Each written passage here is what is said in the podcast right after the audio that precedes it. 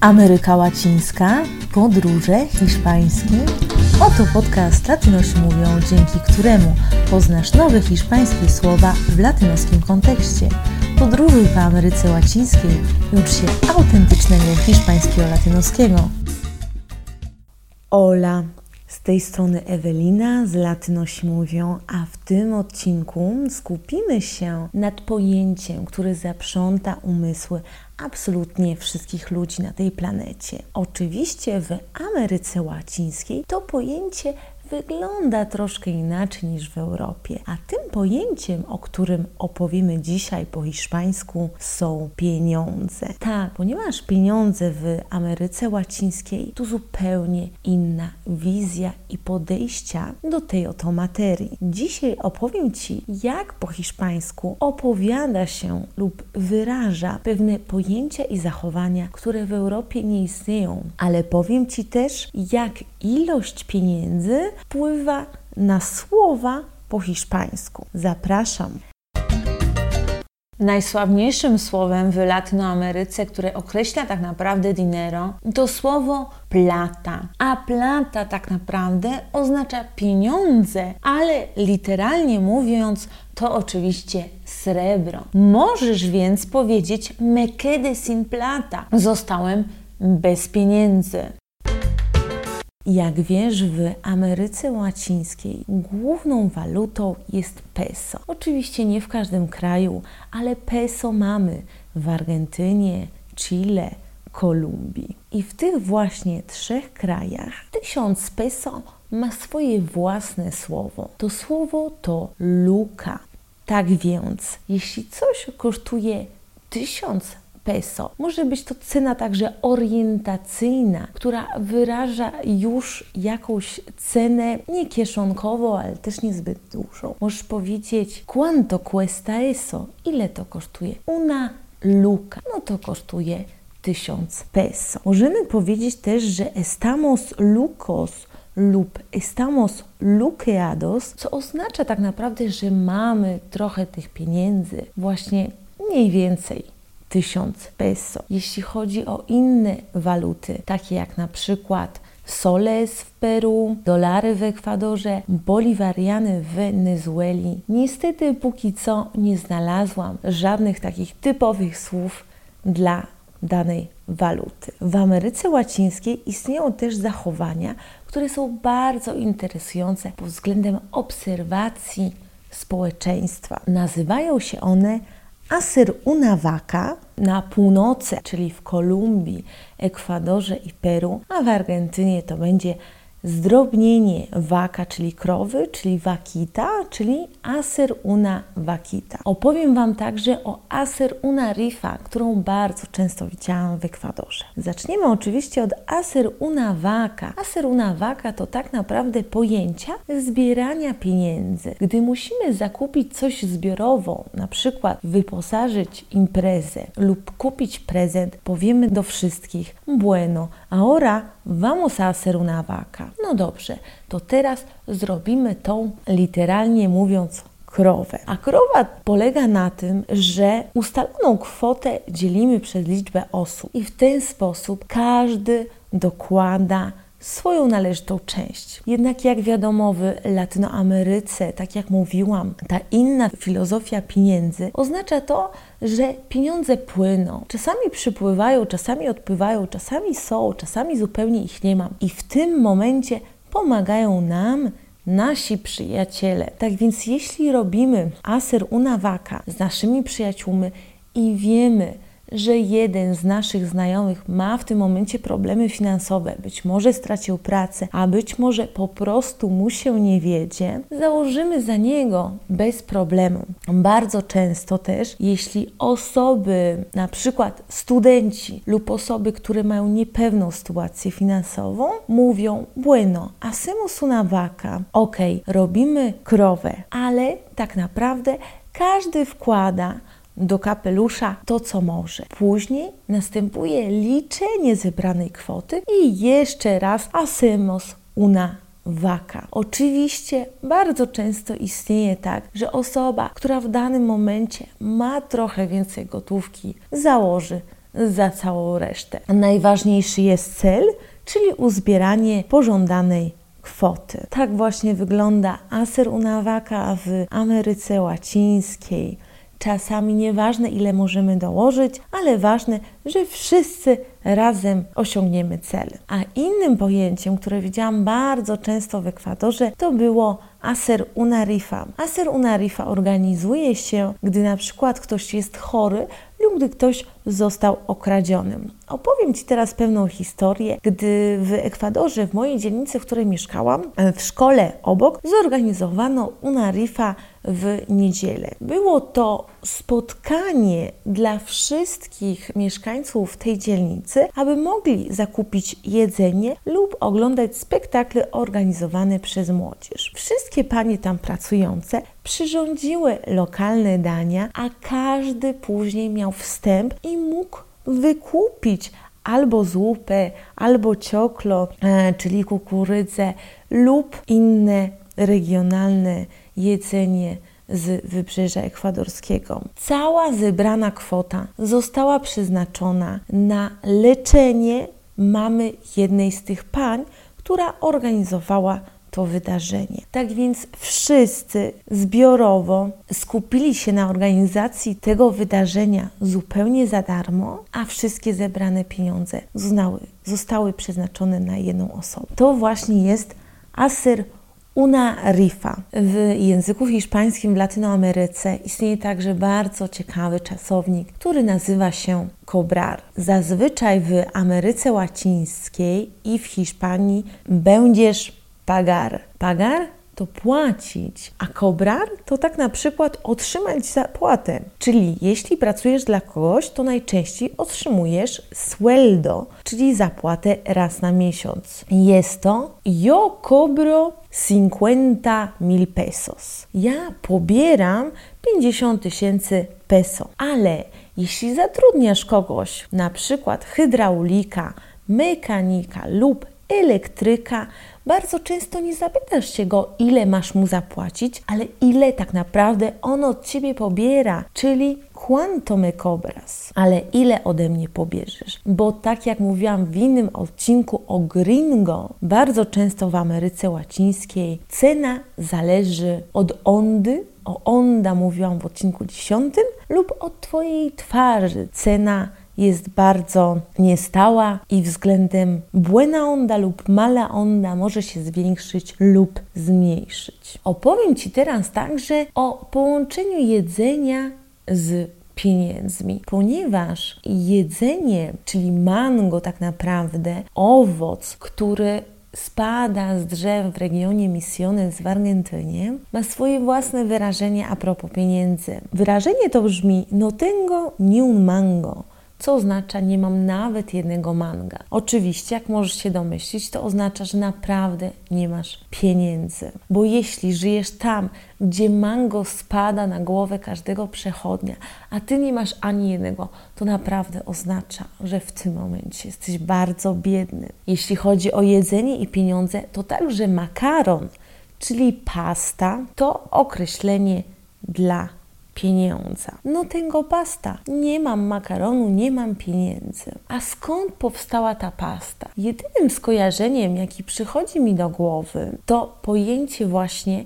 pieniądza w Ameryce Łacińskiej. Bardzo często, jeśli będziesz rozmawiać z Kolumbijczykami, Ekwadorczykami, a nawet Peruwiańczykami, zdasz sobie sprawę, że gdy opowiadał Ci o swoim życiu finansowym, mówią bardzo często: pieniądze to coś bardzo niestałego, to coś, co przepływa. Być może w tym momencie ich nie mam, ale nie planuję też posiadania pieniędzy, gdyż jest to pewna materia kosmiczna, która przychodzi przez ręce ludzi i w tym momencie ja ich nie mam, ale ktoś obok mnie je ma. Nie mogę też zaplanować posiadania pieniędzy, gdyż po prostu w pewnym momencie one na mnie spadną i będę je miała.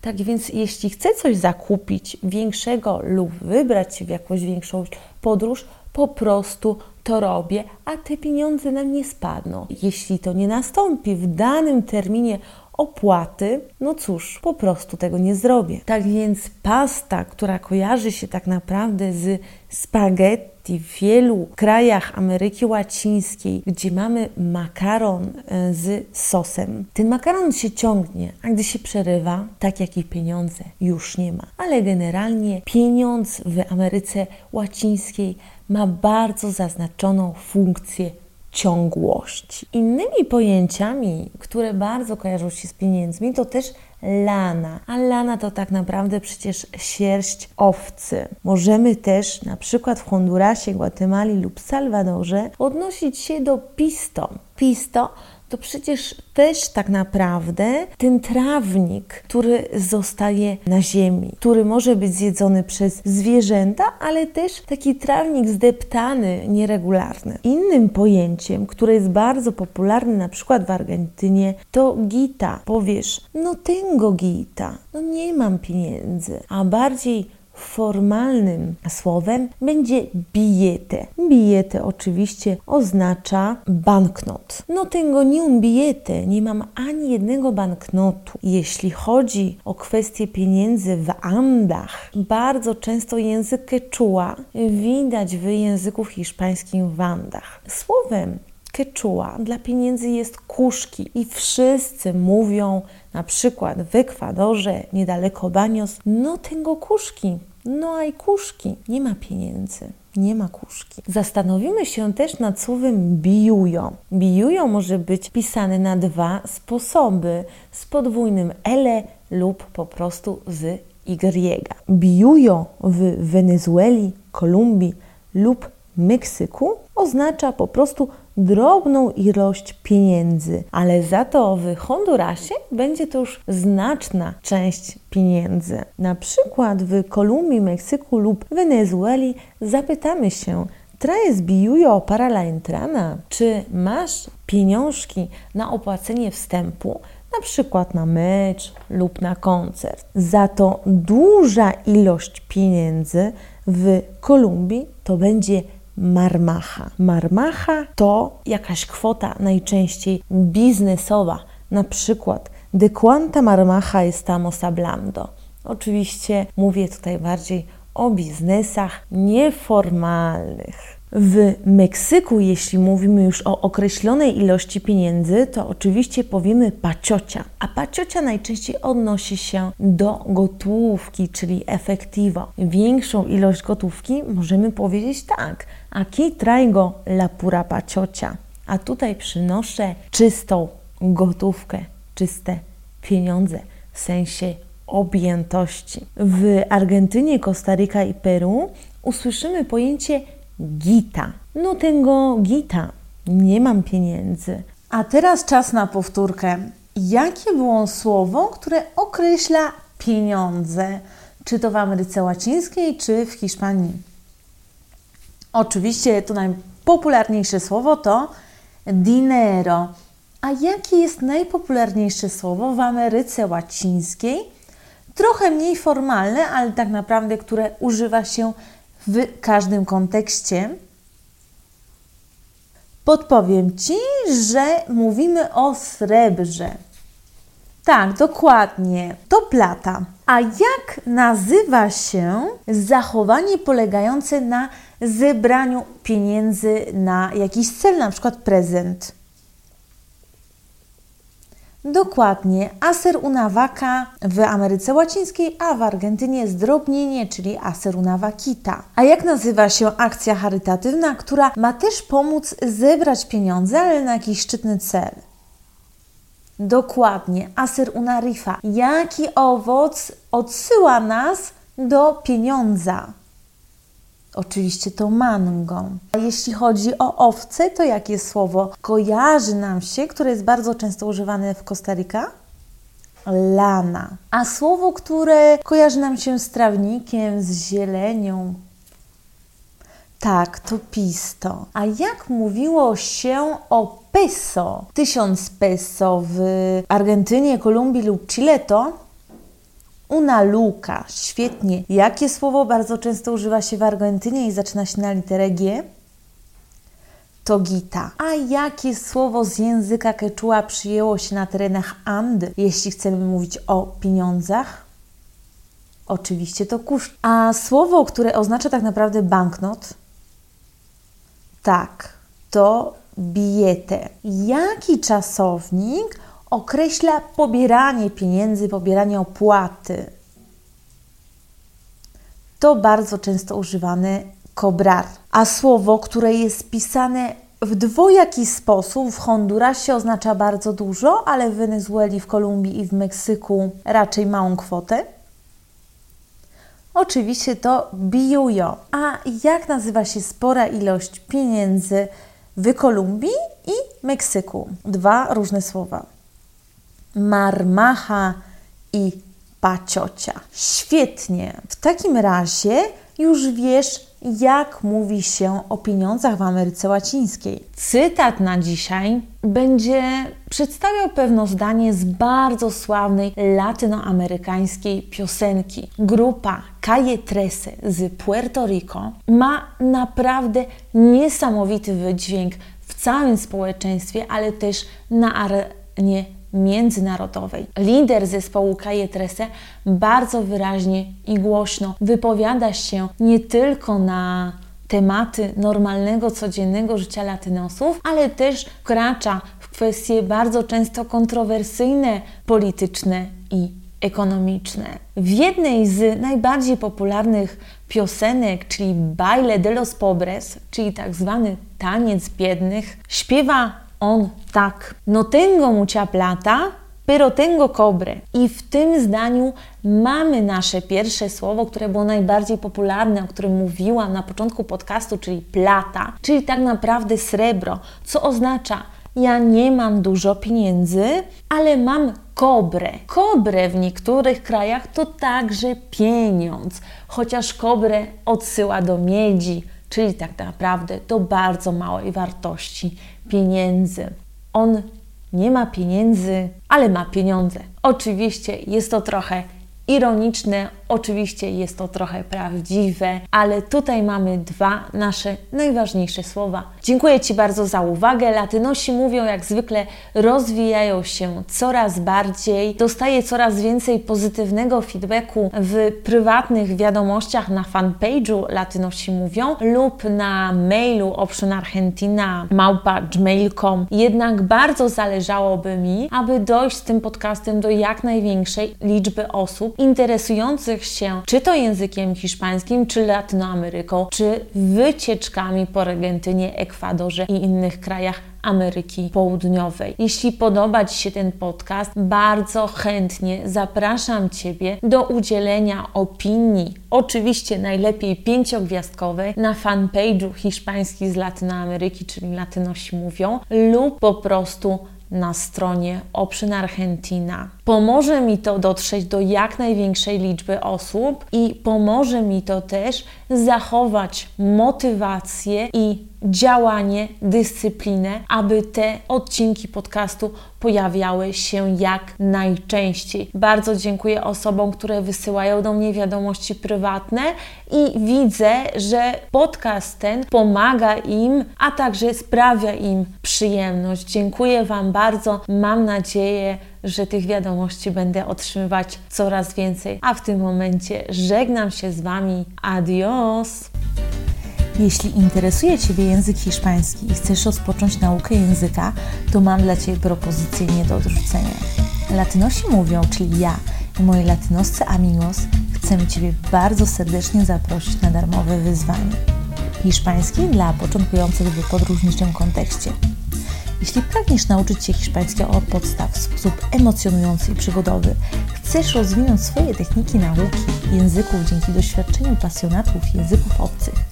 I czytać podróżnicze opowieści z hiszpańskimi dialogami, które zdarzyły się naprawdę podczas moich podróży po Meksyku, Peru, Kolumbii, Gwatemali, Panamie, jak i normalnego sześcioletniego życia w Ekwadorze i Argentynie, to wejdź na stronę www.optionargentina.com i zapisz na newsletter z hiszpańskiego. Otrzymasz lekcje opowieści, ćwiczenia i dostęp do naszej grupy na Facebooku Hiszpański z Latynoameryki. Zapraszam!